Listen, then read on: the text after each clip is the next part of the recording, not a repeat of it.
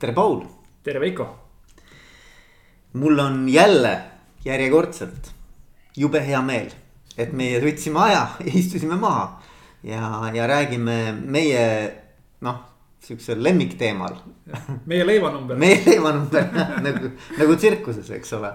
et äh, isejuhtimine, isejuhtivad organisatsioonid ja, ja, ja eelkõige siis holakraatia mm. -hmm. ja kuna me oleme neid, neid episoode, podcast'i episoode sellel teemal päris mitmeid teinud, siis äh, täna mõtlesime, et äh, raamistame selle natukene nii-öelda konkreetsemaks.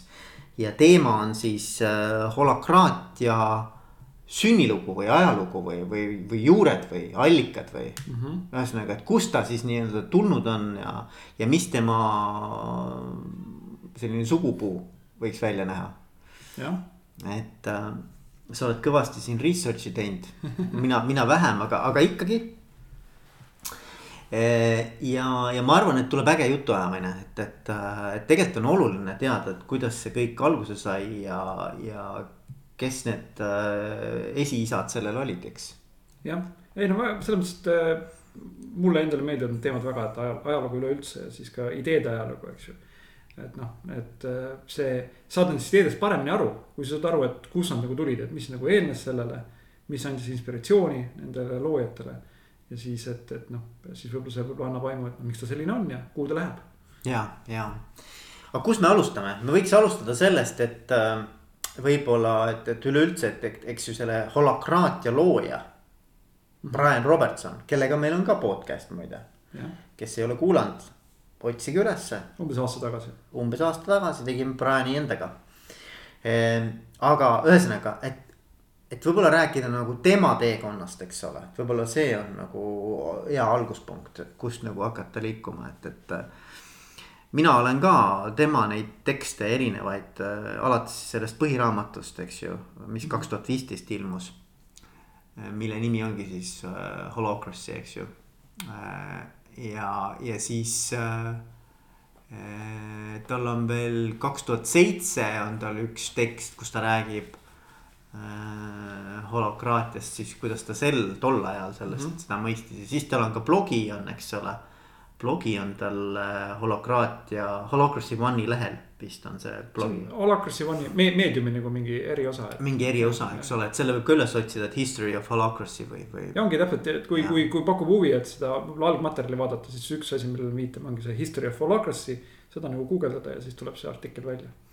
aga et noh, et, et, et räägiks korra, et, et tema on ju ja, ja ma ei tahaks siin nagu üldse sellist stereotüüpset lähenemist nagu propageerida, aga tema on ju ise ka tarkvaraarendus äh, valdkonnast välja kasvanud, eks. just ma ütlengi kohe nii palju võib-olla ära ka alguses, et noh, et, et. et oleks selline ajalooline õiglus paigas, et noh, et Brian Roberts ise ütleb ka, et noh, ta ei mõelnud seda üksi välja, eks ju. aja jooksul ta tegi seda koostöös teiste inimestega, et tõenäoliselt, kui me sellest räägime, seda ka katame, ütleme, eks ju. aga siis noh, ta on siis vähemalt selline nagu käilakuju, ütleme kogu selle holokraatiale ja, ja kes siiamaani on veel nagu siis selle juures, selle asja juures ja ka siis. Holacracy One'i organisatsioonis on ka Holacracy Constitution Guardian vist on selline roll on, et noh, ütleme siis, kes siis nii-öelda ütleme arendab seda konstitutsiooni nagu edasi, aga jah, et. et tema, selles mõttes päris huvitav tegelikult natukene lugu ka äh, talle, et, et ta on, äh, ta noh, kiiresti võib-olla tema individuaalne nii-öelda siis äh, ajalugu ära rääkida, isikuajalugu, sest ta oli vist. kasvas siis üksikema juures niimoodi, oli väga selline aktiivne, väga selline otsiv ja vist suhteliselt vara, ma mäletan õieti, ta langes vist nagu koolist välja ka või tal oli nagu, ei olnud standardne suhe kooliga et ta mingil määral langes välja, siis ta vist väga kiiresti tegi midagi ära. siis ta vist käis põgusalt nagu kolledžis, aga siis ka, ja siis vist läks kohe tööle, et ma ei mäleta, ta ikka kolledžis minu arust lõpetas ära, noh ülikooli meie mõistes või bakalaureuse. ja läks siis nagu tööle, proovis töötada korporatiivses keskkonnas see talle üldse ei sobinud, siis ta hakkas nagu ise nagu ettevõtjaks et noh, et, et teha seal, vist oli, töötas nagu, nagu palgatööl nagu juhina vist vahejuhina mingis startup'is. ja siis kaks tuhat üks äh, ta asutas siis Ternani soft-, Ternani software, sihukene nimi on see firma. ja siis see oli siis nagu tarkvaraarendustöökoda või, või noh, meil on siis nagu ütleme äh, noh, meil on päris palju Eestis neid ütleme, kes nagu ja Äh, toodavad tarkvara selliselt, noh, temal vist ma saan aru, et see organisatsioon on küll väiksem. aga see oli rohkem kattevarjuks nii-öelda see oli konspiratiivne. eesmärgiks oli siis nagu uusi juhtimismeetodeid nii-öelda ütleme katsetada, et leida nagu paremaid juhtimismeetodeid, kui ta sellel ajal nagu oli olemas. ja et oligi noh, et ütleme, et vabal ajal nii-öelda kui nad parasjagu organisatsiooni juhtimisega tegelevad, kirjutasid tarkvara, aga ülejäänud aja siis proovisid leida viise, kuidas, kuidas paremini koos töötada et sealt võib-olla hakkas see peal nagu, et noh, seda ta on maininud, et sealt. ja ma olen lugenud ka, et nad need esimesed küsimused ja ma, ma sain aru, et tegelikult selle, sellesama tarkvaraettevõtte loomise algidee oli ka mitte ainult, et teeme mingisugust uut tarkvara või, või loome mingit tarkvara, vaid et, et teeme ka mingi sellise organisatsioonilise mudeli. kus me kõik tunneksime, et me nagu noh, ühelt poolt, et, et lihtsalt saaksime ise areneda ja, ja parimat tulemust teha, aga teiselt poolt, et. et see kuidagimoodi eh, annaks võimaluse võib-olla siis eh, noh, nagu laiemalt ka tulevikus sellist organisatsioonilist mudelit noh, hakata siis propageerima või, või laiendama ülejäänutele mm. -hmm. ma ei tea, ma arvan, et huvitav, ma ei, ei olegi seda väga palju lugenud, et noh, et, et nad pigem nagu isegi võib-olla enda jaoks tahtsid nagu teada saada.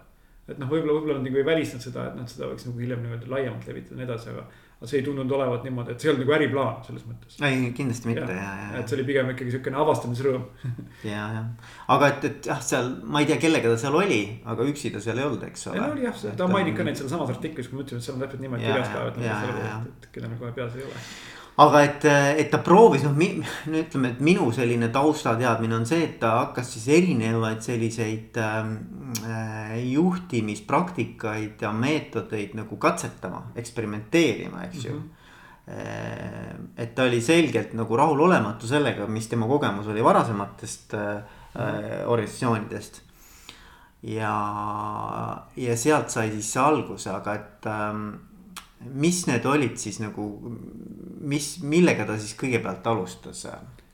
no päris alguses ta vist proovis nagu ise mingeid erinevaid nagu printsiipe ja põhimõtteid paika panna ja neid, et noh, on nagu maininud, et selline, et. et nagu ise, ise nagu noh, nagu nuputada välja ja nullist teha ja siis. siis ta mainis, et noh, et vaatas ikkagi, et see on natuke kuidagi väga valulik või väga nagu selline.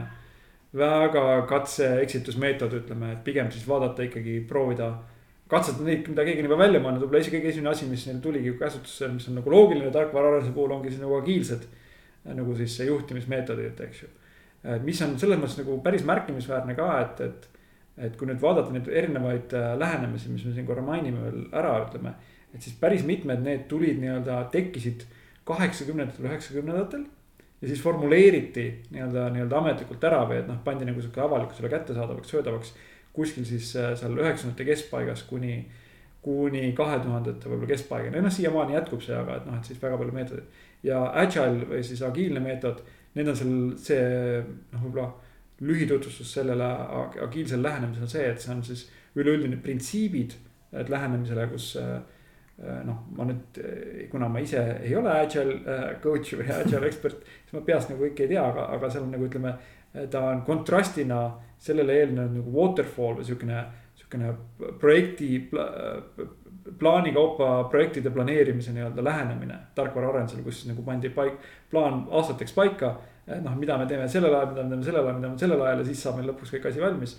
mis siis nii-öelda töötas vahelduva eduga või pigem vähese eduga, ütleme, eks ju, et. et need plaanid kunagi ei läinud nagu täide, et siis agiilne oli selline paindlikum äh, noh, ütleme, mis pani rohkem printsiibid paika, kuidas suheldakse kes mingeid rolle täidab, aga ei panda niimoodi paika, et noh, et me nüüd selleks ajaks teeme selle asja ära kahe aasta pärast, eks ju. et ja siis on erinevad meetodid seal, et seal agiilses on, on näiteks sihuke asi nagu Scrum. mis on sihuke konkreetne tarkvaraarendustiimi meetod, teine nagu natuke võib-olla kergema olemusega on Kanban uh,. Need on ka väga palju möödunud ka lean uh, nagu lähenemisest, mis on peamiselt pigem tuleb siis nagu mitte tarkvarast, vaid tuleb, lean tuleb rohkem tööstusest siis ma saan aru, et Jaapanist on päris palju seda möödust, et ma liini, liini ajalugu nii palju täpselt ei tea Äh, mis seal veel on, äh, mingisugused spetsiifilised tarkvaraarendusele nagu agiilsed osad on nagu näiteks nagu extreme programming, siis on nagu pair, pair uh, programming ja nii edasi. et noh, et, et sellised meetodid, mida nad hakkasid kasutama siis Terneri software'is ja proovime neid ja proovime neid laiendada siis nagu väljapoole siis tarkvaratiimi töötamise nii-öelda keskkonda, eks. no just, ma tahtsin just sinna jõuda, et ma ei tahaks nagu, et see jääks stereotüüpseks jutuks mm. -hmm. et kuule, et see sobibki ainult tarkvaraettevõttesse, eks ju et äh, tegelikult ma noh, täna kui me vaatame, kus erinevates äh, tegevusvaldkondades ja erinevates äh, kultuurilistes keskkondades, noh, kus on sellist isejuhtimist nagu kasutatud, eks ju. siis, siis tegelikult ei saa öelda, et ta sobib ainult ühte keskkonda. jah, ma mõtlen, see ongi võib-olla sellepärast ka, et noh, et siin on, siin võib-olla viskan õhku ka võib-olla siukse väljakutse nagu võib-olla agiili, agiilsetele juhtimiste nagu spetsialistidele ja, ja ekspertidele. Aga noh, mis minu enda nagu uurimine näidanud, see, see agiilne, just võib-olla eriti Scrum, ütleme, ma ütleks seda võib-olla Scrumi kohta, et ma ei julge kõigi teiste kohta öelda. et see on ikkagi põhimõtteliselt nagu tarkvaraarenduse tiimidele tegemine ja seal äh,, miks ma seda rõhutan, et võib-olla see on nagu ka hea võib-olla kontrast tuua nii-öelda siis nagu holokraatiga, miks ta sobib universaalsemalt kui näiteks nagu agiilne lähenemine. kuna agiilse töötamise eripära on nagu see, et üks meeskond töötab ühe ja sama nagu probleemi kallal. ühe sama eesmärgi nimel. Ja noh, ideaalis näiteks Scrumis peaks olema tiimiliikmed nii-öelda oma oskuste poolest nii-öelda ühesugused ehk vahetatavad ähm,. ja siis see loob noh, ütleme selles mõttes, et nagu kõik mõtlevad ühe ja sama probleemi kallal, eks ju. kui sa võtad tavapärase organisatsiooni, eks ju, siis äh, noh, ütleme tegutsetakse ühise eesmärgi nimel, aga lahendatakse erinevaid probleeme. et näiteks müük lahendab oma probleeme tootmine lahendab oma probleeme, raamatupidamine, personalijuhtimine lahendab oma probleeme. et, et need, need ei ole niimoodi, et sa võid, saad personalijuhi võtta ja panna teda müüki tegema või, müügimehe võtta ja panna tootmist tegema, eks ju. et nad, nad ei, nad ei, nad ei saa omavahel nagu vahetud olla, erinevalt nagu siis tarkvaraarendust me, meeskonna liikmetest, eks ju. nii et võib-olla seal oli ka see, kus koht, kus neil tuli siis nagu selle agiilse nagu piirid ette, eks ju. ehk nad tahtsid kogu organisatsioonil rakendada, siis see ei toiminud. kuigi, kuigi täna näiteks noh, ma, ma kõiki valdkondi ei tea, aga näiteks personali valdkonnas on agiilne personalitöö mm -hmm. nagu väga, väga niisugune uudne ja, ja uus lähenemine, et, et siukest. Agile HR on täitsa teema mm, -hmm. et, et selles mõttes ta ilmselt ikkagi ei ole ainult nagu jäänud tarkvara. see ongi, et need agiilsed printsiibid on nagu teatud nagu teatud printsiibid, mis ongi see, et noh, et, et ei äh, rohkem e rõhk on nagu äh, iteratsiooni peal. ehk ja. siis nagu ütleme pideva edasiarendusel versus ütleme nagu lõplikud lahendused. ja neid, neid tõenäoliselt annab nagu üle tuua, mille just. kohta ma just ütlesingi, et noh, ma alguses ütlesin agiilse kohta, siis ma täpsustasin ära, et see on pigem Scrumi kohta, et ja. Scrum on väga sihukene nagu. Äh, ja noh, ma ütlen, et noh, võib proovida, ega, ega kunagi ei tea, et see on ka eksperimenteerimise küsimus, et. et ega lõppkokkuvõttes on nagu võivad olla teoreetikud, kes ütlevad, aa, et see asi ei ole võimalik ja noh, praktikud lähevad ja tõestavad teistpidi, eks ju no,. nii et, et aga, aga see oli jah, et kus siis nagu nad tõenäoliselt nagu võtsid sealt mingeid asju üle aga ka tundsid, et noh, et siis see agiilne või see, mida nad parasjagu proovisid, Scrum ja nii edasi, et. et sellel olid nagu piirid ees, ütleme, et kui nagu suuremate probleemide lahendamisel, aga. sealt nagu hakka, hakkas nagu peale, ütleme, ja siis nad vaatasid nagu kaugemale mm -hmm. edasi mm. -hmm. ja enne seda vist isegi eelnevalt tegelikult, kui seda History of uh, Holacracy artiklit lugeda. siis ta mainib ka väga palju mingeid erinevaid koosoleku me, metoodikaid, siukseid juhtimisprintsiipe ja seal oli väga palju sulle tuttavaid nimesid. ja, Jim Collinsit oli seal toodud välja ja Patrick Lencioni ja Eh, et need on nagu nimed, mis tegelikult on siuksed eh, noh, väga tuntud, eks, et äh,. et Peeter Senge oli seal õpivorganisatsiooni äh, mudeli äh, eestvedaja, et, et, et selles mõttes. ma arvan, et, et noh, see oligi nagu sihukene nagu tema jaoks ka nagu avastamine, eks ju, et noh mis nagu sobib ja mis ei sobi. aga loomulikult, kui ma mõtlen praegu selle konstitutsiooni peale, holokraatia konstitutsiooni peale, kus need reeglid mõnes mõttes on siis kristalliseeritud, eks ju. Need on sinna kirja pandud ja natuke selline noh, kui sa loed seda, siis see on ka natuke siukene ongi selline noh, siukene declaration of independence, see on vähe sihuke Ameerika selline konstitutsioon, eks ole. et aga, aga et noh, see mõte on ju seal see, et, et et see on ka nagu väga minu arvates, kui sa loed seda, saad aru, see on nagu inseneri tehtud, et selles mõttes, et ta on, ta on, ta on ikkagi nagu. kusjuures tal on isegi, Robertsonil on isegi mingisugune tekst on, et algoritm, et hola-, holakraatia kui algoritm. ehk et nagu, et ta on natukene ikkagi selles võtmes tehtud, et ta on nagu mingisugune formular, mille kaudu, kui seda nii-öelda siis nii-öelda protsessida selle kaudu oma teemasid.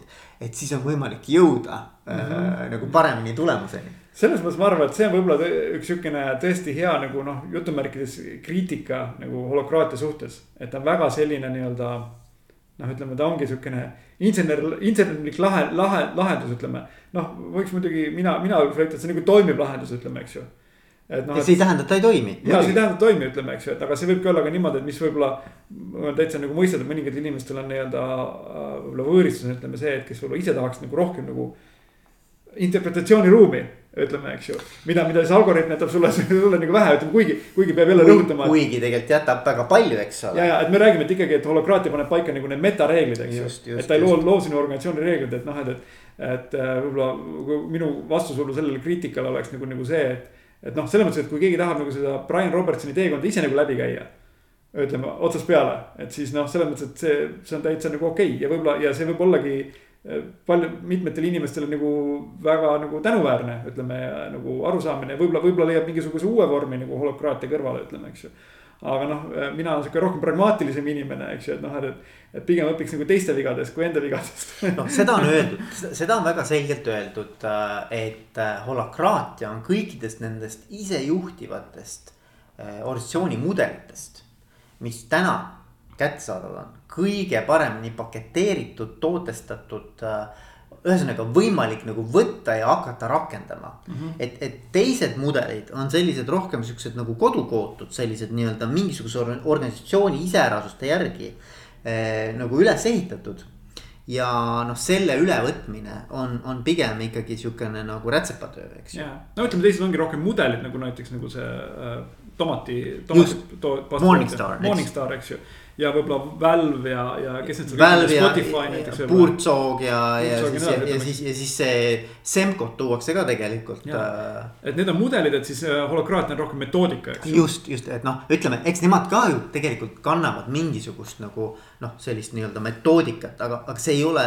noh, sellel ei ole niimoodi, et sa saad selle kuskilt noh, hakkad võtta ja hakkad, hakkad endale rakendama, et sellist sellist nii-öelda tootestatud versiooni ei ole, kuigi holokraatia noh, on, ma arvan, kõige kaugemale selle jõudnud. praegu vaatasin just järgi, kodulehel on kirjas üle tuhande ettevõtte on, äh, vähemalt nad ise väidavad, üle tuhande ettevõtte on seda äh, rakendanud. jah, ma ütleks niimoodi, et mudelid, ütleme, kui veel täpsustada, mudelid võimaldavad siis luua peaaegu täpselt samasuguse organisatsiooni. eks ju, et kui sul näiteks nagu õendusorganisatsioon on, ütleme, et siis mine ja kopeeri, mida Puurtsorg teeb, eks ju kui sa oled sihuke mingisuguses väga nagu konkreetses tarneahelas, ütleme, eks ju äh,. noh, ütleme, ma ei, ma ei oskagi täpselt kirjeldada, aga mingi konkreetses tarneahelas olev organisatsioon, siis mine tee, mida Morningstar teeb, eks ju. et võtad tomatid põllult ja teed sellest nagu ketšupi valmis, ütleme, eks ju. aga, no, edasi aga... aga et, et, et see, sa, sa ei saa, ütleme seda mudelit minna ja rakendada näiteks nagu konsultatsiooni ettevõtte puhul näiteks. ma, ma ei tea, ma, ma, mina, no, mina ei julge öelda nii, aga, aga ma arvan, et neil ei ole, neil ei ole loodud sellist nii-öelda nagu noh ütleme siis käsiraamatut või, või, või sellist nii-öelda konstitutsiooni, et yeah. kuule, siin on reeglid, selle järgi pead toimetama, hakka, hakka nagu panema. ei ole ka mingisugust toetavat äh, sihukest struktuuri, mis aitaks seda ka ellu viia. võib-olla oleks võimalik ehitada mingi sihuke asi ka nende mudelite mhm. peale, aga täna ei ole, selles mõttes holokraatia kindlasti on unikaalne jah, võiks öelda niimoodi, et tõenäoliselt on olemas mingid konkreetsed tootmisstruktuurid äh, üleüldse, ütleme, mis on nagu organisatsioonist sõltumatud, ütleme, eks ju, et noh, et, et kuidas, kuidas toot- või teenindusstruktuurid, eks ju.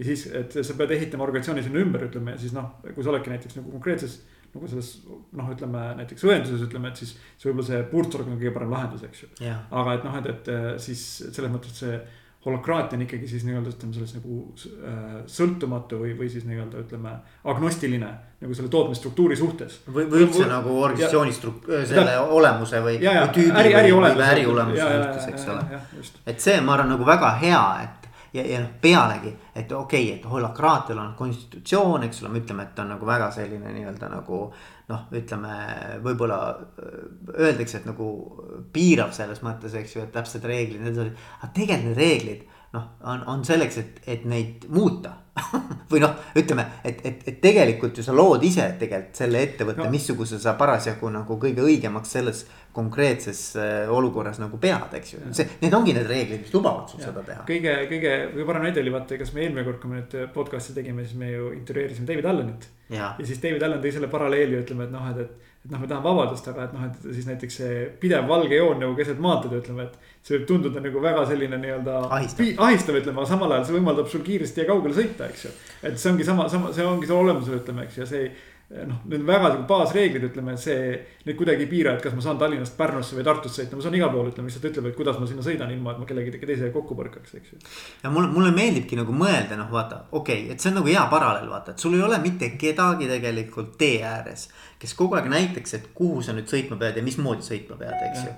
et selleks on tegelikult olemas äh, äh liikluseeskirjad, eks nüüd liikluseeskirjad on selleks, et ei peaks olema kedagi, kes sulle nii-öelda sauaga näitab kogu aeg mingisuguseid märke, eks ju. et, äh, et holokraatias on ju samamoodi, et noh, et, et, et sul ei pea olema juhti enam mm. -hmm. sellepärast, et juhi rolli on protsess ja konstitutsioon ja need reeglid üle võtnud mm. -hmm. et mingis mõttes noh, ma olen, mulle meeldib nii mõelda vähemalt, ma ei tea, kuidas, kuidas sa arvad, aga et, et, et juhi funktsioon nagu mingil tasandil ju ära ei kao üheski organisatsioonis, eks ju. keegi neid selliseid nii-öelda koordineerimise ja, ja sellise noh, kuidas me nagu mingite otsusteni jõuame või kuidas, kuidas me mingisuguseid tegevusi nagu planeerime. keegi peab nagu seda ikkagi teatud moel nagu guide ima, eks ju mm, -hmm. juhtima.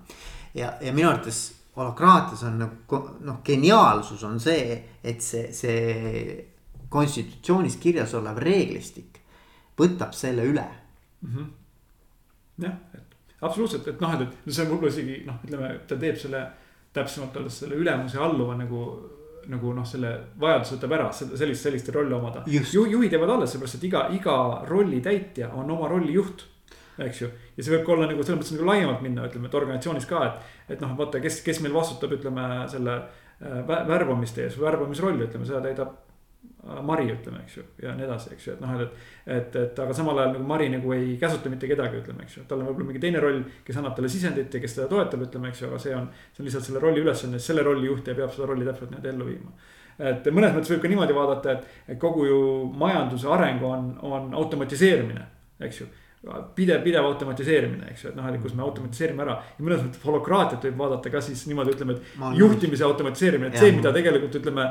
noh, mitte nüüd küll arvutid nagu teevad, ütleme, aga mida saab nagu algoritm teha, ütleme juhtimisalgoritm. et selle anname ära nagu sellele protsessile, selle asemel, et me peaksime nagu kedagi panema seda teha ja siis lohutuseks siis kõigile nendele, kes tunnevad, et noh, et nad on nagu juhtidena, et noh, et, et. et nad panustavad organisatsiooni, et siis see kaob ära, et siis, siis te saate teie seda võimekus ja, ja ja panus, mida saate anda, ütleme, rakendada kuskil mujal, ütleme konkreetset rolli juhtimises, ütleme ja. ja, ja seal jäävad alles strateegiline juhtimine, ütleme strateegilised otsused, ütleme, eks ju. ega, ega tegelikult ja. võib ka jääda alles väga palju nagu niisuguseid asju, mida ei pea noh, üldse. noh, see, see ongi nagu noh, sa oled nüüd nagu spetsialist mm, -hmm. kes pakub lihtsalt juhtimisteenust. et nagu, et noh, see on näiteks, et kui, kui mõtled, et noh, et keegi võiks ju eest vedada sellist visiooni noh, ütleme siis visiooni funktsiooni või visiooni loomise ja hoidmise ja arendamise visioon, funktsiooni. noh, see ei pea olema, see ei pea CEO olema, see, see võib olla inimene, kellel see on tema naturaalne tugevus, eks ju. ja, ja, lihtsalt, et ja ta ei ole ka mingi suur nii-öelda, tal ei ole mingit võimu. -hmm. aga tema veab seda rolli eest, energiseerib seda rolli, eks ole. et võib ju olla niimoodi täiesti. ja samal ajal võib ta teha, ma ei tea, midagi täitsa lihtsat kuskil mujal äh, meeskonnas. just, just, just aga holokraatia ajaloo juurde tagasi tulles. et siis võib-olla see järgmine teema, mis on nagu päris tihti läbi käinud, ütleme, et mis on nagu seda mõjutanud, on sotsiokraatia ja sotsiokraatia on iseenesest natuke vanem asi juba, et see, mina nüüd ütlen otse, et ma väga palju selle kohta ei tea, sul on vist käinud külalisi, kes on sotsiokraatiaga natuke rohkem kursis olnud siin. jah, on käinud, Toomas Trapito ilmselt on see. ja, et noh, et, et ja see tuleb, pärineb siis nii palju, kui mina oma põgusatest teadmist tean, Hollandist kuskil viiekümnendatel, kuuekümnendatel välja arendatud.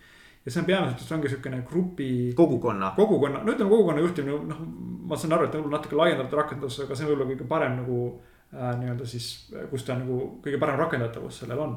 Äh, on äh, siis see, et ja rohkem suunatud nagu ütleme inimeste juhtimisele, aga sellisele läbi nagu, läbi grupi versus läbi siis nagu võib-olla ühe indiviidi. ja siis nad proovisid seda, ütleme, et noh, nad võtsid seda sotsiokraatia, võtsid kasutusele isegi paar aastat nii-öelda isegi, isegi ütlesid, et see, mida nad tegid, oli sotsiokraatia. aga siis nad vaatasid, et noh, päris kõigi nende printsiipidega nagu ütleme, neil kattuvust ei olnud, ütleme. ja siis äh, nagu loobusid sellest, aga võtsid sealt teatud nagu õppetunde, et noh, et, et et üle äh, noh, mis seal võib-olla võib-olla kui erisustest rääkida, et kui holokraatia ja sotsiokraatia, võib-olla üks, üks nad said inspiratsiooni nime väljamõtlemiseks siis sellele ütleme, et noh, et sociocracy ja siis holacracy. et siis sealt on see inspiratsiooni uh,. selle ülevõtmiseks siis oli see, et nad kasutasid alguses seda otsustamispõhimõtet. mis siis sotsiokraatias on väga, peamiselt väga paljuski ka konsensusepõhine ehk siis ko, nagu kokkulepe või noh, ollakse nõus. sotsiokraatias on nagu konsensus, eks ju ja no ma ütlen, ma olen natuke nüüd niimoodi yeah, okay. äh, nagu sellisel nii-öelda tundmatul maal ütleme yeah,, et noh, et yeah,, okay. et aga see on minu, minu põgus arusaamine sellest, ütleme. ja noh, võib-olla siis oli ka siis nende kogemus oli see, et see päris hästi nagu sellises nagu. Nende jaoks nagu ei töötanud mm. -hmm. see, see konsensuse põhine, et see, see äh,. Nad ütlesidki, et noh, et mis nad seal ikka võib-olla selle tagajärgi, nad said aru, et nad otsivad mingisugust otsustamisprintsiipe, juhtimisprintsiipe, mis ei oleks nagu indiviid, tähendab, ütleme sellise ühe indiviidi või juhi põhine, ülemuse põhine, ega ei oleks ka nagu grupipõhine et noh, et oleks mingisugune alternatiiv. aga ja, et sealt on väga palju nagu, see kujundas nende mõtlemist, ütleme, see kujundas nende arusaamist asjadest. noh, ja, ja samal ajal ta on küllalt eripärane, et noh, et ta on ikkagi, et ei saa, ei saa ka öelda, tihti ma olen kuulnud seda ka öeldakse, et noh, et noh, et holokraatia on nagu üks sotsiokraatia vormidest, et noh äh, ma arvan, et nii holo-, holokraatia pooldajad kui sotsiokraatia pooldajad võib-olla ei ole päris sellega nagu nõus, et noh, et, kõrvaltvaates võib see tunduda, aga. ma, ma tahtsin teha podcast'i John Punchiga, kes mm -hmm. on tegelikult äh, mees, kes aitas Saposes äh, seda holokraatiat juurutada. tema oli siis juurutamise söökli liid mm -hmm. Saposes ähm, ja, ja ma, ma tahtsin teda podcast'i, aga ta podcast'i ei olnud nõus tulema, aga me tegime temaga pooletunnise kõne lihtsalt, videokõne, mis oli väga äge. et tema ütles niimoodi, et, eh, et tema õpib praegu sotsiokraatiat. et ta ütles, et, et, et, et tema arvab, et eh, tegelikult holokraatia ja sotsiokraatia noh, niuksed nagu mõlemist võtta mingisugused elemendid, et siis see võiks olla nagu vaata, et kõige ägedam kombo et ühesõnaga tema soovitas mul ka uurida seda, aga ma ei ole siiamaani seda teinud, aga. aga jah, et sotsiokraatia kindlasti on, eh, kui sa vaatad nagu seda holokraatia nende miitingute või koosolekute formaati mm. -hmm. siis seal kõikide nende ringide tegemine et igalühele antakse mingisugune eh, kindel nii-öelda sõnavõtu või, või noh, õigus nii-öelda oma pingeid väljendada. Need, ma arvan, on kõik ikkagi seotud sellise kogukonnast tulnud sellise metoodikaga. samal ajal noh, ütleme, et, et vot, mis me oleme rääkinud ka varem, et, et need sellised koosoleku formaadid, ütleme, et et need ei noh, ütleme, et võib-olla ei, ma ei ole ka päris õige, et kas, ei ole ka päris õige, et saaks öelda, et sotsiokraatia on selle aluseks, et need on pigem nagu avastatud siin viimase nii-öelda ütleme viiekümne, kuuekümne aasta jooksul, et. et siin hiljaaegu oli sul episood Dagmar Narussoniga ja siis ja. räägitud sul polüfooniast, ütleme. siis polüfoonia meetod toimib väga, seal üks, üks sarnane aspekt oli holokraatia, kus nagu need koosoleku teemad pannakse paika alles koosoleku alguses. mitte kuskil nagu eelnevalt pikalt ette ja nii edasi, nii et noh, et, et ja eks neid teisi noh, neid koosolekuformaate, ma arvan, et seal, kas seal Patrick Lencianest võib-olla veel kuskilt oli veel kellelgi oli, ma mäletan, et Brian Robertson on maininud, et. et on veel nagu selliseid koosolekuformaate, mis on tõenäoliselt nagu ütleme nii, et, et sama elevant, mida siis nagu need kümme erinevat pimedat meest nagu nii-öelda siis nagu üritavad aru saada, mis asi see nagu on, eks ju. et noh, et sealt, sealt on see tulnud. sotsiokraatias oli võib-olla üks erinevus on ka võib-olla see, et sotsiokraatia on nagu ikkagi nagu mõnes mõttes nagu inimeste juhtimine et konkreetselt nii-öelda ütleme, et ikkagi, kuidas need grupis olevad inimesed niimoodi juhtida, et noh, kõik seal nagu rahul oleksid aga holokraatia ei ole inimeste juhtimine. holokraatia on mõnes mõttes võib öelda kas töö juhtimine või siis rollide juhtimine. või ütleme isegi töö korraldamine. et noh, kuna selle holokraatia toob sisse selle eristuse rollide ja siis nii-öelda hingede vahel või rollide inimeste vahel, eks ju. et see töö ikkagi, mida peab nagu tegema, ütleme, et seda peab mingi konkreetne roll tegema. tal on see, sellised kohustused, tal on sellised võib-olla nii-öelda ütleme valdused, mida ta saab hallata, ütleme, kui vaja paneb paika, aga need ei ole inimesed, ütleme, eks ju, et noh, see on ikkagi, ütleme, see on näiteks siis personali juhtimise roll, eks ju, see on personali juhtimise rolli ülesanne see, see ei ole Mari ülesanne, eks ju, Mari lihtsalt otsustab, kas ta, kas ta võtab nagu, kui talle pakutakse selle personalijuhi rolli tegema või, või teha või teete midagi muud, eks ju.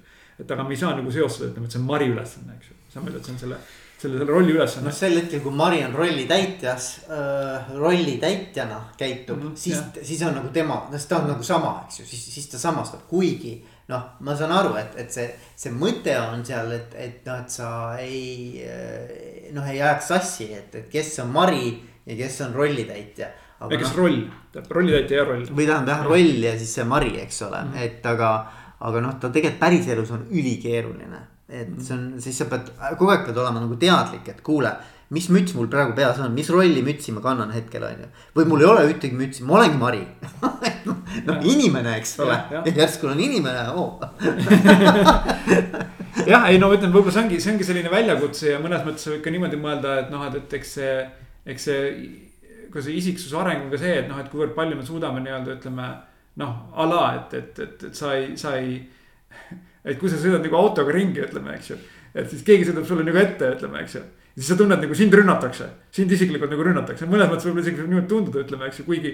kuigi noh, ütleme sa, sa samastud selle nii-öelda äh, autojuhi rolliga või isegi autona rollina samastud, ütleme, eks ju. ja siis nagu siis, mis emotsioone sa seal nagu tunned, ütleme, eks ju, ja siis võib öelda, et noh, et, et, et see võib-olla ei ole nagu ütleme tõenäoliselt küpsemaid lähenemisi nii-öelda elule, eks ju et, et siis see on samasugune asi, eks see on ka väljakutse selles mõttes, et, et noh, et, et, et see ongi see, mis paneb ka nagu teatud mingisuguse arengu nagu sellise impulsi nagu inimestele nagu peale, eks ju, et noh, et, et. et sa peaks mõtlema nagu natuke teistmoodi, et noh, et, et siis lõpuks see töö saaks tehtud, eks ju. noh äh,, noh, sinu vajadused on ka olulised, ütleme, eks ju, aga, aga, aga kui sa oled nagu organisatsioonis, siis mis on oluline, on see, et noh, töö saaks tehtud ja mm, -hmm. ja kuidas me seda kõige paremini saame teha.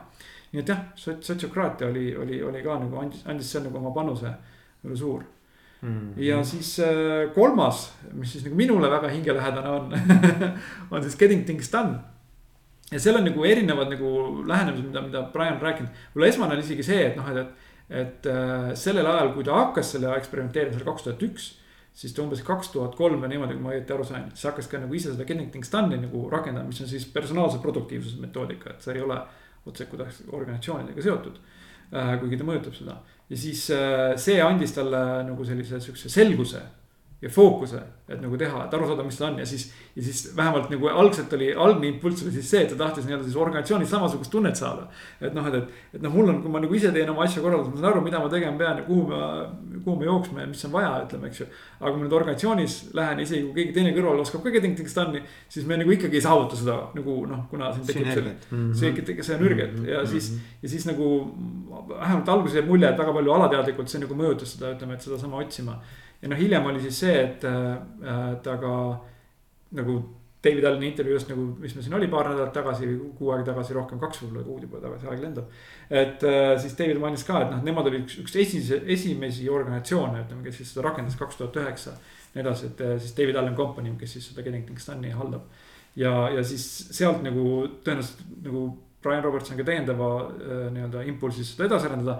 ja kaks ja siis ta ütles, et esimeses siis, esimene konstitutsioon, mis tema arvates nii-öelda selle Getting Things Done'i natukene äh, nagu kokku sidus või ütleme ilusti nagu holokraatiaga oli see äh, versioon number kolm.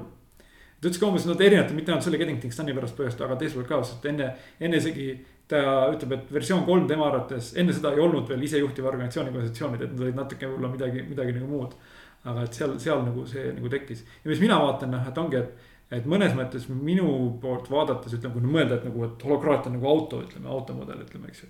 et siis, siis noh, ütleme võib-olla see governance meeting, juhtimiskoosolek ja, ja siis see tactical meeting, ütleme need koosoleku printsiibid, need on võib-olla siis nagu see rool või juhtimissüsteem ja nii edasi ja ma ei tea, mis muud siis võib-olla seal käigukasti ja nii edasi on, aga igal juhul minule tundub, et noh, et see see mootor, mis seda organisatsiooni edasi viib, mõnes mõttes ikkagi nagu getting done printsiibid, ütleme, eks ju. et noh, et ikkagi, et kuidas me tööd ära defineerime, mis on need eesmärgid, mis me tahame saavutada. mis on need järgmised tegevused, ütleme ja siis ka on selge omand, kellel on mingi, mis, kelle, kelle ülesanne mida teha, ütleme ja me peame järge, et meil on nimekiri olemas, järge pidada, et noh, et, et kui me teeme koosolekuid, et siis me küsime, et kaugel see projekt on ja nii edasi. nii et noh, et, et see on nagu selline võib-olla noh, üks selliseid tugevamaid mõjutusi, et noh, et ta on seal nagu selleks mootoriks nagu seal sees ja, ja no nad on üksteisele ka kirjutanud seal äh, raamatute eessõnu ja nii edasi, eks ole. et nad on väga suured sõbrad seal omavahel ka. ja, ja siis, ja siis kolmas meie poolt intervjueeritud Tiidrik Janse. Tiidrik Janse. kirjutas ju raamatu, ütleme, mis siis nagu nüüd on ingliskeelne pealkiri, mis tuli välja nüüd paar aastat tagasi oli Getting Started with Holacracy. jah, Getting Started. aga, aga mille hollandikeelne pealkiri, mida ma nüüd küll ei tea peast, aga mille ingliskeelne tõlge oli, oli Getting Teams Done et meeskonna, kuidas ära teha, et see on isegi selles ingliskeelses versioonis ka sees, ütleme nii, et noh. ja ta ei kasutanud tegelikult üldse seda sõna holokraatia selles hollandikeelses äh, raamatus ja seal ei ole üldse, seal ongi ainult see üks, üks pealkiri. sest et ta minu, minu arvates ta vist mainib ka selles meie, meie podcast'is, et. et, et tegelikult tol ajal see holokraatia oli ikkagi noh, nagu täiesti nii-öelda noh, et keegi ei, ei teadnud sellest sõnast midagi et.... Ah, kus, kusjuures ongi tegelikult, kui sul on nime juurde korra tagasi tulla, ma mainisin, et sotsiokraatia andis siis tõenäoliselt oli tõenäoliselt inspiratsiooniks, et kus see noh, nimetus sellele nähtusele tuli, see holacracy. ja siis ta ütles, et noh, et miks nad selle nime valisid, olid sellel hetkel, kui nad selle nimega välja tulid, nad guugeldasid seda, siis oli null vastet sellele. et noh, neil on nagu sihuke võimalus nagu täiesti tühine. Canva ka,. luua täitsa uus epohh. uus nullist, nullist midagi, et noh, ise, ise defineerida ära, mis see holacracy nagu on, eks ju, ja noh ja võib-olla kiire meeldetulisena siis tulebki nagu selles kohas noh, Kras-, Krassi ütleme, on siis nagu mingi juhtimis nagu democracy ütleme, eks ju. ja sotsiokracy, et see on sihuke juhtimismeetod. võim, võim, eks ole. kraat ja võim. ja, ja kraat, võim, tänan täpsustusest jah, võim jah. ja siis see hola tuleb siis holarhist või holarhiast mis on siis see selline nagu nähtus, mis peamiselt looduses esineb. kus siis nagu mingi asi on ise tervik, ütleme, aga samal ajal on osa millestki suuremast, eks ju. Nii nagu noh, ütleme, et noh, et, et ökosüsteemis ütleme, on organismid seal osa sellest ökosüsteemist. ja siis näiteks nagu organid, ütleme, elusulande sees on nagu iseseisvad asjad nagu noh, näiteks meil silmad, ütleme ja nii edasi ja keel, ütleme, aga samal ajal ta on nagu osa millestki suuremast. et nagu, nagu vist üks sõna, sihuke tüvisõna on holon hol,, holon. holon jah, holon. holon, eks ju. ja, ja see holoni definitsioon ongi siis, et, et tervik terviku sees. just, jah. et nagu, et, et nagu rakk, eks ju, on ka tervik, eks ju. Noh, ise suhteliselt iseseisev, kuigi suhtleb kogu aeg väliskeskkonnaga aga et ta on nagu osa organist, eks ju, ja organ on siis organismist osa, et, et noh, nagu noh, mõnikord mulle meeldib mõelda seda, kui. noh, holonid ja siis sellest, sellest see kogu süsteem, holonid süsteem kokku on holarhia. ja siis, ja siis selline, sellise mudeli nii-öelda rakendamine organisatsioonis on holokraatia. jah, jah, ei no tegelikult väga loogiline iseenesest, aga, aga see sõna ise on niisugune noh, nagu noh, ikkagi alguses tekitab võõristust, eks, et millest me siin räägime et noh, kui me isegi räägime sellest kellegiga, et noh, siin ma ei tea uurin või, või rakendan holakraatiat, mis asi see on, eks. ja võib-olla siis mõningatel on, kes hispaania keelt oskavad, need arvavad, see on tervituspõhine juhtimissüsteem. võib küll olla. aga üks teema, mida mina tahaks veel sisse tuua, on evolutsioon ja sihukene mm -hmm. evolutsiooniline lähenemine. sest ma arvan, et see on väga tugevalt seal sees tegelikult mm. -hmm ja, ja, ja Laluu räägib ju, Laluust oleme ka teinud eraldi episoodi, eks ju, Laluu raamatu kohta Reinventing Organizations, aga, aga Laluu räägib samamoodi sellisest nagu. Ehm, et, et üks äh, selline tunnus, mis neid isejuhtivaid organisatsioone, tiilorganisatsioone mm -hmm. siis mhm. iseloomustab ja noh, holokraatia ma ütleks ka ikkagi tiilorganisatsioon, eks yeah, ole yeah. on, on see sihuke evolutsiooniline eh, purpose või, või eesmärk mm. -hmm. et see tegelikult kogu aeg nagu mõnes mõttes elab ja ta ei ole, ta võib saada alguse founder'ist või asutajast mm. -hmm. aga tegelikult noh, see kogu see ettevõte, kogu see organisatsioon on mõnes mõttes nagu sihukene elus organism, ongi elus mhm. organism, eks just, ole, mis kohaneb kogu aeg kogu aeg kohaneb keskkonnaga, kohaneb sisemiste mingisuguste äh, pingete ja, ja energiatega. ja, ja nii ta areneb ja keegi ei tea kuhu ja mismoodi ta tegelikult areneb, et see mõnes mõttes selline noh, nagu ähm, ongi, ongi, et ta ei ole nagu control and predict või ta ei ole nagu sihuke nagu ennustatav. aga ta on mõnes mõttes kogu aeg oma parimas optimaalses tegutsemisvormis mm. -hmm. adapteerub kogu aeg keskkonnaga, sise- ja väliskeskkonnaga. et noh, mulle meeldib nagu mõelda sellest evolutsioonilisest lähenemisest äh, holakraatia puhul ka, et ähm, ja, ja mis siin tegelikult tasub sisse tuua, et kui nüüd lugeda seda ajalugu, ütleme ja neid erinevaid mõjutusi ka, et siis. Siis see, see holokraatia nagu, kui sellise meetodi sünd oli ka väga evolutsiooniline. et nad nagu katsetasid neid, proovisid neid erinevaid asju ja ütleme, et nad ei tulnud nagu noh, ei olnud niimoodi, et Brian Robertson kaks tuhat viisteist maha, ütleb, et noh, et, et. et noh, et aastaks kaks tuhat kakskümmend kaks ma tahaks, et oleks näed selline nagu mudel nagu olemas, ütleme nii nagu me näeme praegu konstitutsioon versioon viie puhul, et ei ole. et ta lihtsalt tahtis nagu paremat juhtimisviisi ja hakkas siis nagu lihtsalt nagu katsetama, nii nagu noh, evolutsioon seda teeb, ütleme, eks ju.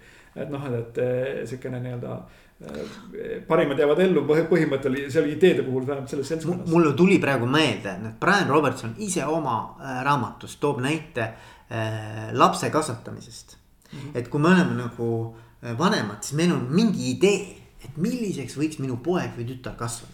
Mil, mis, mis ametit ta võiks, on ju mm -hmm. kanda, eks ju. et kui edukas ta võiks mis valdkonnas olla ja paljud noh, ühesõnaga, kuidas tema elu võiks kõik olla, eks ole. et me planeerime nagu mõnes mõttes oma peas nagu mõtleme, noh, mitte paha pärast, hea pärast ikka aga lõppkokkuvõttes on see, et sa pead ühel hetkel ikkagi nagu tunnistama, et, et see ei ole sinu teha, et nagu, et nagu mingis mõttes sinu teha on see, et aidata või luua see keskkond. Et see laps suudaks oma parima äh, maksimaalse potentsiaali ja tugevused, mis temas on nagu avastada mm -hmm. ja, ja selle järgi oma elu nii-öelda eesmärke ja, ja käekäiku sättida. aga, aga sama on organisatsiooniga vaata, sest asutaja, sul on mõte, oo, ma teen vot sellise ägeda organisatsiooni. ja ühel hetkel, kui sul on ümber seal veel inimesi, sa pead aru saama, et sa, see ei ole nagu noh, ainult sina enam. Et see on tegelikult midagi, mis on kollektiiv, noh nagu, nagu kõik me siin loome tegelikult ja, ja, ja meie ümber olevad kliendid ja ühiskond loob seda organisatsiooni et äh,. see keskkond loob. keskkond loob. ja no ütleme, et noh, et noh, ongi, see ongi, see ongi keskkond ja teine, mõtleme ka tänapäeval ütleme, et no keskkonna peale, et noh, selge see, et me. loodetavasti me saame nii-öelda ette ennustada vähemalt mingi järgmised kolm või neli või viis aastat nagu toimub, ütleme, eks ju. Aga sealt edasi juba ütleme, eriti kui su ettevõte on mõjutatud nagu tehnoloogiliste muutuste poolt. siis on juba väga raske ette kujutada, et noh, mida, mida sa täpselt nagu tegema pead, ütleme, eks ju, viie või, või kümne aasta pärast, eks ju. et noh, see sõltub erinevad organisatsioonid erinevad ka, et kui, kui on nagu plaanis lihtsalt kopeerida, mida keegi teine on juba teinud, ütleme nagu puhtalt nagu siis, siis võib-olla ei ole võib-olla holokraatiat isegi vaja, et lähed ja kopeerid ära, ütleme, eks ju. ja nii edasi, aga kui on tahtmine midagi uut teha või siis ka niimoodi, et noh, et, et, et ikkagi saada seda täit potentsiaali kätte, mis on võimalik saada, et siis see on see koht, kus tasub nagu seda, seda mõelda, et noh, et ollagi, et selline nendeks muutusteks valmis, ütleme, minna nende muutustega nagu kaasa, ütleme, eks ju, et, et. et neid, neid nagu saada, et olla see kehtiv, aga jah, et see oli huvitav, et kuidas see evolutsiooniline lähenemine ka, et, et noh, võib-olla siis Brian Robertson ise mingil määral ka nagu mõtleb sellisel viisil, ütleme, eks ju, et noh, et, et. et noh, ma, mina olen seda nagu näinud, ütleme ja, ja ta on päris nagu huvitav, huvitav nagu jälgida ka tema, tema nagu sellist mõttearenguid, et, et. et jah, et see nagu holokraatia iseenesest kui evolutsioonilise organisatsiooni mudel on evolutsioonilise lähenemise tulemus, eks ju. mis on siukene ilus sümmeetria seal vahel, eks ju ja, aga võib-olla viimane asi, mida ma tahtsin mainida ka, et mida ta nagu ütleme otseselt nagu ei ole ise öelnud, ütleme, no natukene mainin ka seda, et aga. aga mis tuli ka natuke hiljem nagu sisse, on siis need äh, domains, ütleme lähenemine. ja mis siis võib-olla eesti keeles tõlkes oleks valdused, eks ju mm. -hmm. ja see on täpselt siis nagu see, kus on öeldud ära, et nagu, et mingi konkreetne nagu organisatsiooni vara ütleme noh, mis see pole ole füüsiline vara, see võib olla ka nagu, nagu abstraktne vara, ütleme. on siis mingi konkreetse ühe rolli käsutada või nagu rolli kontrollida. näiteks võib-olla klassik näide veebisait, eks ju, et kes saab veebisaiti muuta. või kellel on õigus pangakontole ligipääs ja nii edasi. et siis see on tegelikult, kui seda vaadata, siis, siis noh, minul endal on äh, noorusest peast tulnud huvi nii-öelda siis nagu sellise ideoloogiate ja maailmavaadete kohta, siis on mul seal nagu minu, minu sümpaatia on olnud siis nagu vabaturu peale ja libe, liberaalne ja. Ja liberaalne kapitalistlik majanduskorraldus, ütleme, eks ju. ja siis see põhineb peamiselt eraomandusel, eks ju mm.. et noh, kõik hakkab nagu sellest peale, et noh, et, et et ikkagi noh, meil igaühel on oma isiklik vara, pluss on see ka, et need organisatsioonid saavad olla kellegi nagu vara, eks ju mm. -hmm. et siis see on ka nagu selline mõtlemine ja noh, see on võib teistmoodi öelda, see on konkreetsed piirid äh, on tõmmatud vahele, ütleme. milline on sinu maajupp, milline on minu maajupp, ütleme, kui veel väga selliseks nagu arhailiseks nagu minna või väga pa, paastasemele. et siis äh, noh, holokraatias on muidugi see, et väga paljuski on sellist nagu ühisvara, eks ju. Et nad organisatsioonides, et noh, et kui, kui ei ole probleeme, siis me võime kõik ühiselt jagada, no nii nagu me ka näiteks ütleme, noh, kui me käime linnas ringi, eks ju, siis siis noh, teatud mõttes see on no meie ühisvara, ütleme läbi selle, et me oleme no, kodanikud, eks ju. ma võin käia, eks ole, kõnniteel, eks ju, see on, see, see ei ole kellegi, noh, loodetavasti ei ole kellegi maa, eks. Ei no ta jah. ta on no, meie, noh riigi, riigimaa, eks. noh jah, kõnniteed on, jah, ma ei tea, kas on kuidagi imelik, et keegi, keegi peab seda koristama, et see on praegu pigem vaidlus käib see, et linnas, kes seda koristama peab, eks ju. aga noh, ütleme, et no mis iganes tänavad ja teed on, ütleme, need on ikkagi üldjuhul nagu no, just, jah, äh, ühisvara, ütleme. et aga siis, kui nagu ütleme, tekib mingisuguseid nagu konflikte, ütleme siis pigem noh lahendatakse seda, et noh, et see viiakse eraomandusse ära, ütleme, eks ju, et noh, et, et. ja siis samamoodi, et noh, võetud see printsiip üle nii-öelda see, mis siis võimaldab või nagu tegelikult mõnes mõttes me oleme rääkinud ka, et holokraatia kui. Kui sa vaatad sinna organisatsiooni sisse, ta võib tunduda iseenesest nagu natuke linnana, ütleme mm. või sellise nagu laiema organisatsioonina, kus on siis hästi palju siukseid väikseid nagu eraettevõtjaid nagu sees, kes igaühel on oma vastutusalad. tegutsevad seal, juhivad, ütleme, eks ju. ja noh, me teame, et tegelikult mõnes mõttes noh äh, äh, selline eraettevõtja on kõige üks parimaid mudeleid, ütleme, tal on küll, tal on piiratud oma võimekuse poolest ja nii edasi, eks ju. aga samal ajal ta ei unusta kunagi ära, et kõik on tema teha, ütleme tema vastutada, et kui tema ja. ei tee, siis ei juhtu, ütleme, eks ju. sihuke autonoom, autonoomia, iseseisvus ja, ja vastutus tekib sealt, eks ju. noh, et selline lähenemine, selline mõtteviis, ütleme. et see, see nagu ja. see holokraatia toobki organisatsiooni nagu selle sisse ja siis üks väljendus ongi sellele ka, et, et siis. et sa saaksid ikkagi seda nii-öelda oma rolli võimalikult hästi välja elada, siis mingil hetkel sul on võib-olla vaja mingisugune osa nagu ettevõtte varadest nagu, nagu selle, selle rolli valdusse saadata, et ta saaks seda täielikult kõige paremini teostada, jah aga, aga ma tahaks siia tegelikult, tegelikult see on nagu huvitav, ma ei ole enne mõelnud, praegu sind kuulates tekkis mul see mõte. et holokraatia golden rule, eks ole, seal ongi nagu ongi golden rule, eks ju, golden rule ütleb, et. põhimõtteliselt sa võid oma rolli raames selle täitmiseks ja parimaks nii-öelda eesmärgi täitmiseks ükskõik millise otsuse või, või, või, või action'i nii-öelda mm. mingi tegevuse ette võtta, eks ju, kuidagi käituda. kui see tundub sulle mm -hmm. kõige mõistlikum ja adekvaatsem, et seda rolli eesmärki täita. ja kui see ei ole kas konstitutsioonis või mingi muu, ma ei tea, policy või, või mingi muu dokumendiga piiratud, eks ju mm. -hmm. ehk et, et tegelikult on sul nagu täielik vabadus oma rolli osas omanikutunnet tunda või noh, mitte vabadus, vaid sa, sa, no see ongi sinu, noh, sa, sa oled nagu noh, sina vastutad selle eest, eks ole. sul on õigus teha ka vastavad äh, otsused ja valikud. jah, ja siis tegelikult ma hakkasin mõtlema praegu, mis täiendavalt tuleb juurde see ka, et, et kontroll sellele nagu ütleme, et noh, see võib tunduda ka niimoodi, et noh. et kas siin ei või korruptsiooni ohtu tekkida, aga siis tulebki rõhutada see, et see valdus on rollil, mitte inimesel eks ju et noh, sa ei, mina ei saa, ütleme, kui minul näiteks ütleme niimoodi pangakonto on nagu minu kasutuses, ütleme, eks ju. siis noh, nii nagu tavases organisatsioonis, see on ikkagi organisatsiooni raha, mitte minu raha, eks ju. et noh, et aga siis seal ongi, et kui, kui see roll on nagu finantsjuhi nagu, nagu kontrollida pangakonto, ütleme, eks ju. siis see on finantsjuhi rolli kontrollida, mitte finantsjuhi rolli täitja nagu ütleme, omand, eks ju nii et noh, et ta peab seda ikkagi finantsrolli äh, äh, hüvanguks või finantsrolli ülesannete täitmiseks nagu ellu viima, nii et noh, et. et see vabadus ja vastutus on nagu seal jälle ilusti nii-öelda ikkagi nii-öelda noh ähm, kokku viidud, ütleme, et, et nii, nii nagu, nii nagu meil on ka tegelikult siis nagu äh,. nagu eraettevõtluses üleüldiselt ütleme või nagu selles kapi, noh, ütleme vabal turumajandusel põhineval ühiskonnas, ütleme, eks ju, mitte, mitte sotsialistlikul ühiskonnal. ja ei, ei seda muidugi jah, loomulikult jah. Aga see, see on huvitav jah, et, et kui, kui tavapärases organisatsioonis on pigem see, et sa pead saama äh, mingisuguse otsuse või valiku tegemiseks nagu nõusoleku või, või kooskõlastuse. siis äh,, siis holokraatias on, et äh,, et sul ei ole vaja, sul, ei ole vaja mingit nõusolekut või, või kooskõlastust, aga see ei tohi minna lihtsalt nagu vastuollu mingi olemasoleva, kas siis kellegi äh, domeiniga mm -hmm.. noh, seal on siis ka mingid piirangud, eks ju, et mida sa võid teha. ja, ja see peab olema selgelt seotud sinu rolli eesmärgi täitmisega, et see peab noh. peab olema nagu silmside sellega, et, et rolli täitmiseks tundub see kõige mõistlikum viis mm -hmm. toimetada. jah, jah, ja noh, ütleme, kui sa tahad mingeid muudatusi teha, siis noh, seal tuleb mängu see, et et muudatused on nagu põhimõtteliselt nagu vaikimise eeldusel, et muudatusi lastakse nagu teha juhul, kui kellelgi ei ole nagu äh, adekvaatset vastuväidet, et see tekitab kahju, tekitab suuremat kahju kui kasu, ütleme, eks ju. Mhm. kui seda ei ole, siis on nagu lubatud, selles mõttes nagu jah, sellist nagu äh,. Lu-, või loa saamist ei ole vaja, vaja lihtsalt seda, et, et kellelgi ei oleks nagu häid vastuväiteid sellele. kehtivaid no, vastuväiteid. nojah, no, ja, ja see üleüldse tekib küsimus, kas peab kellegi. noh, kas seda peab arutama üldse tekib siis, kui kellelgi tekib pinge sellega.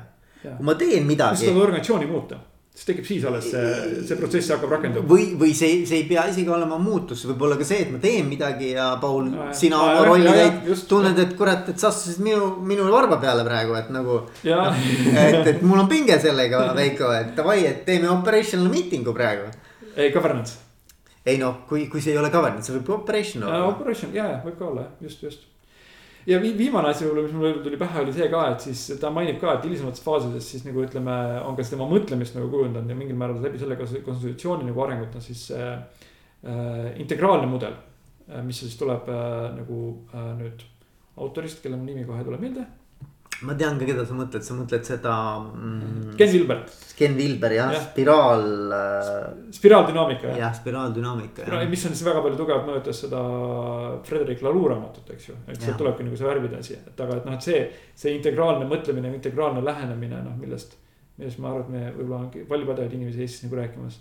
et see on ka nagu mõjutanud nagu, nagu seda, ütleme sellist üldist lähenemist nagu see on ka evolutsiooniline lähenemine. evolutsiooniline jah, aga, aga ikkagi ma toon veel ühe, ühe õppiva organisatsiooni mudel, eks ole mm, -hmm. see Peter Senge, eks ju mm. -hmm. et, et üks asi, mida ma avastasin ja mina ei tea, noh, kuidas see nüüd on, aga, et kui me räägime sellest pingest. siis tegelikult see õppiva organisatsiooni mudel kasutab sedasama nagu metafoori. et, et on, on nii-öelda nagu soovitud olek. see on siis nii-öelda eesmärgistatud olek, eks ju, ootus, kuhu ma tahan välja jõuda ja siis on, kus ma täna olen, see, see reaalsus, päris, päris elu, eks ole. ja mida suurem see lõhe nende kahe oleku vahel on, seda suurem pinge mm. -hmm. ja see pinge on siis nagu kütus või selline nii-öelda nagu selline nagu driver. mis siis tegelikult, mida, mida püütakse kogu aeg siis ära kasutada selleks, et liikuda selle soovitud äh, eesmärgi poole, on ju mm. -hmm. Just, ja õppim-, ja õppimisega on see seotud niimoodi, et et ta sunnib sind kogu aeg kasvama ja arenema. sest et sa ei liigu sinna soovitud oleku poole, kui sa tegelikult ei muutu mm. -hmm. ehk et, et, et see pinge nagu mingil tasandil kogu aeg sind kasvatab, arendab mm. -hmm. kas sa tead, millal, mis ajal seda. Sengele üheksakümmend, üheksakümmend jah, et see on selles mõttes nagu nii huvitav, ütleme, mis ma nagu panin tähele, kui ma võtan need erinevad sisendid, noh. sotsiokraatia küll, ma saan aru ajalooliselt, mida ma olen lugenud, viiekümnendatel, kuuekümnendatel tekkinud ja noh, ma ei tea, palju ta on muutunud aastakümnete jooksul. see on natuke vanem, aga kui me võtame Agile'i, kui me võtame Getting Things Done'i, kui me võtame selle mudeli, siis need hakkasid kõik nagu tekkima kaheksakümnendatel, üheksakümnendatel Need vormistati ära äh, siis kaks tuhat üks, on huvitav ongi, et kaks tuhat üks. manifesto on kaks tuhat üks. Agile manifesto, Getting Things Done raamat tuli välja ja Brian Robertson alustas treeneri software'iga. nii et noh, et, et võib ka niimoodi vaadata, et mõnes mõttes see on selline nii-öelda oma ajastu nagu laps, eks ju. Mhm. et noh, et kus need nagu erinevad mudelid hakkasid kokku tulema ja mina näengi seda, et, et minu, minu jaoks, kui ma mõtlen nagu nende, nendest noh, ütleme lähenemiste peale ütleme, kui panna liin ka sinna sisse, mis ka enam-vähem samal ajastul nagu tekkis, mis oli siis tootmise nagu agile'i võib-olla nagu ütleme tootmisvorm. et noh, et, et mina, mina peangi neid kõiki nii-öelda siis nagu veel suurema agile'i nii-öelda ütleme sellise nagu mõtlemise nii-öelda osaks, et nii getting things done, mis on individuaalsel tasemel mm -hmm.. holokraatia, mis on organisatsiooni tasemel äh,. Agile, mis on siis so, tarkvara juhtimisorganisatsiooni tasemel. et need on kõik, lean on siis tootmisorganisatsiooni tasemel, et need on kõik nagu siis äh, nagu ühe siukse agiilse nii-öelda sellise mõtlemise nii-öelda nagu, nagu variatsioonid. ütleme mm -hmm. ja need kõik on nagu tulnud siin nagu üheksakümnendatel hakkas nagu üles pulbitsema ja, ja kahe tuhandetel nagu äh, tuli esile ja, ja siis nüüd, nüüd nagu vaikselt nagu siis küpsevad ja arenevad nagu edasi. noh te,, tegelikult noh, kui minna veel nagu noh, me, me sellest küll ei rääkinud ja pikalt ei taha rääkida ka, aga kui hakata mõtlema, et kus see kõik nagu.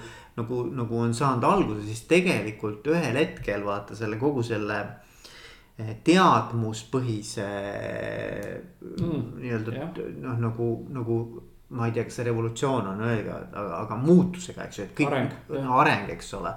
et sellega kaasnes tegelikult sellisest äh, Eh, nagu puhtalt sellisest, et, et tule tööle ja, ja kasuta oma käsi ära, oma pead kasuta, eks ole. ja mm -hmm. noh, et, et, et nagu jäta oma nii-öelda hallollus koju, et yeah. ära mõtle. tule, tule, tule tee ära see asi, mis vaja teha on, eks ole, ma ütlen sulle, mis vaja teha on ja kui kiiresti. ja kui kõrgele pead hüppama, eks, et äh, see nüüd, kui, kui nüüd liikus nii-öelda järjest üha rohkem äh, teadmuspõhiseks, eks knowledge based, eks ju mm -hmm., knowledge worker Eh, põhiseks, siis seal enam ei ole võimalik tegelikult nagu muud moodi hakkama saada, kui sa pead oma loovust hakkama kasutama.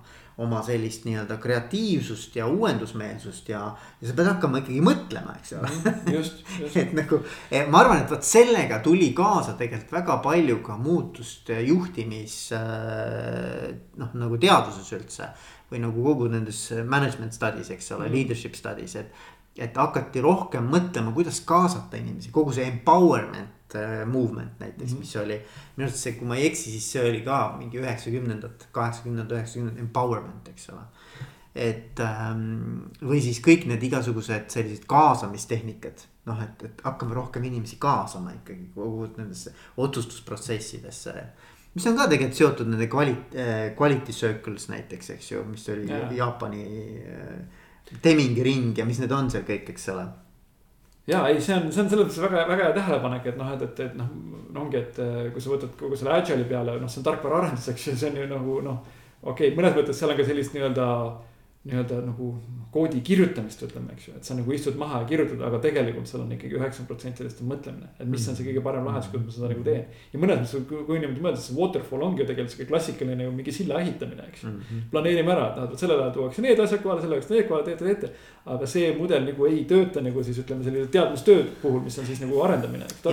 absoluutselt ja teine asi on see, et kogu elu muutus nii palju ebamäärasemaks või noh, ütleme, et seda, seda nii-öelda nagu ennustatavust ei ole võimalik tagada. et kuna, kuna kogu aeg on muutused ju ühiskonnas igal pool kogu aeg info hulk kasvab, eks ole äh,. geomeetriliselt, eks mm. -hmm. et, et, et siis sa pead selle keskkonnaga ka hakkama saama, mis on selline pidevalt sellises äh, eba, ebakindlas olekus, eks ole, turg muutub kogu aeg kõik muutub, eks ju, haigused, ma ei tea, mis värgid, Covidid, ta-ta-ta-ta. valiku, valikuvõimalus on meeletu. valikuvõimalused, eks ole, et noh, tegelikult sellises situatsioonis ei ole võimalik enam sellise. noh, on raske ühesõnaga sellise hierarhilise, väga sellise kindla planned management'iga nagu control, predict and control management'iga mhm. peale lennata. jah, et väga raske on, väga raske on ennustada ja, ja väga raske on kontrollida väga raske on kontrollida ja mingis mõttes sa pead saama need inimesed noh, mitte saama, vaid et noh, tegelikult see ongi see, ma arvan, et see on nagu väga-väga äge. kui inimesed hakkavad ise mõnes mõttes tulevad sellisest õpitud abituse seisust välja, hakkavad ise eh,. nagu me alguses rääkisime, võtavad äh, initsiatiivi, on ju, sest omanikutunne, eks ju, ownership, eks et nad hakkavad nagu, nad saavad ise nagu lendule minna mm. -hmm. just, just ei ja et noh, et ongi siis äh, võiks ka niimoodi öelda mõnes mõttes, et see holokraatia ja kõik need teised asjad, kust ta välja sündis, mis, mis on nagu omaette, omaette nagu asjad nagu, et need on. Need on siis vastavalt lahendavad neid probleeme, mille, millega me nagu inimestele rinda pistame, eks ju. nii et noh, et, et ja, ja mis, mis on praegu, praegu aktuaalsed, nii et. nagu põnev näha ja kindlasti midagi, midagi sünnib ka kunagi holokraatia baasil ja nii edasi, nii et noh, et, et ma nägin, ma, ma, ma, ma, mul ei, mul ei ole meeles küll, kes see täpselt oli ähm, see oli üks Stanfordi ülikooli juhtimisprofessor, mul nimi ei ole meeles. aga ta ütles niimoodi, minu arust väga ägedalt, ta ütles, et, et kui äh, juhtimisteadustes äh, on siis management studies, eks ju. antaks välja Nobeli preemia. et siis selleks inimesele, kes suudaks äh, välja töötada universaalse mudeli, kus ei ole vaja vertikaalset hierarhiat ega, ega, ega sellist nagu äh, nii-öelda traditsiooniliselt siis äh, juhtimise hierarhial äh, baseeruvat äh, mudelit. No. organisatsioonide edukaks toimimiseks ja minu arvates nagu see on nagu, me oleme väga, väga, ma, ma arvan, me oleme künnisel künnisel jah, Lalu Robinson või just, absoluutselt. ei, kusjuures ma tahtsin seda ka mainida, vaata Lalu ju oma raamatus ju räägib ka nagu teistest nendest mudelitest, see, see nagu Morning Star ja, ja, ja nii edasi, ütleme, eks ju. siis noh, need hakkasid küll, osad hakkasid isegi seitsmekümnendatel peale, aga pigem oli jälle seal kaheksakümnendad, üheksakümnendad. ütleme, kus need mudelid, mudelid nagu tekkisid, ütleme, eks ju, ja, ja et, et see on ka nagu täitsa, et noh, et täitsa sihuke huvitav tähelepanek, aga jah, ma arvan, et võib-olla see kõige parem seostada saabki ongi selle, selle teadmustöö ütleme nii-öelda prevaleerimisega või selle, selle nagu tähtsamaks saamise versus siis nii-öelda ütleme füüsilist tööd jah, kuule, aga väga äge, millega me jätame, mis mõttega me jätame siis need inimesed siia seda meie, äh, meie loodetavasti äh, ägedat heietust kuulama, et, et mis see lõpuakord võiks olla? Ütle mingi hea mõte, Paul no ma arvan, hea mõte on võib-olla see nagu, et noh, et, et me, et, et asjad ei ole kivis kunagi, et noh, et asjad, asjad nagu arenevad edasi.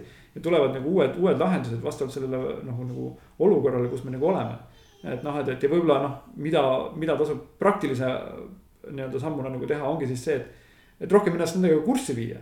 Et noh, et, et natukene, et, et mitte, mitte nagu arvata see, et, et see juhtimine ja ma arvan, et neid on väga vähe, kes nüüd arvavad. et juhtimine läheb samamoodi edasi, nii nagu ta oli siin kümme, kakskümmend või kolmkümmend aastat tagasi, eks ju. aga et, et mis, mis need siis on ja ennast, ennast nendega nagu kurssi viia, et siis kui muud midagi, siis vähemalt olla teadlik nendest. ja, ja ma arvan, noh, et, et, mul tekkis jälle siit sind kuulates nagu mõte, et, et noh, et et kui me vaatame neid äh, väärtuste muutusi ühiskonnas, mis on toimunud, noh, see on küll pikk protsess, eks ole. aga ma arvan, see on suhteliselt universaalne, globaalne äh,. mõnes riigis noh, aeglasemalt, mõnes kiiremini, aga ma arvan, et, et, et seal ka vaata, et, et sellisest. me liigume nagu ikkagi nende väärtuste poole kultuuris, mis toetavad sellist äh, mitte ainult ei toeta, vaid nagu mõnes mõttes nõuavad või, või, või no tekib nagu vajadus Äh, selliste äh, uudsete juhtimismudelite järele. et muidu lihtsalt nagu inimesed tahavad teha tööd, mis on noh, nende väärtustega seotud, nende tugevuste, tugevusi maksimaalselt ära kasutavad, nende potentsiaali avavad, eks ju. ja, ja see ei ole, see ei ole kindlasti enam see traditsiooniline juhtimise hierarhia. väga põnev. ja, no ühesõnaga aitäh sulle, Paul, järjekordse ägeda mõttevahetuse eest. väga tore oli, aitäh, Veiko. ja, ja kuulame, kuulmiseni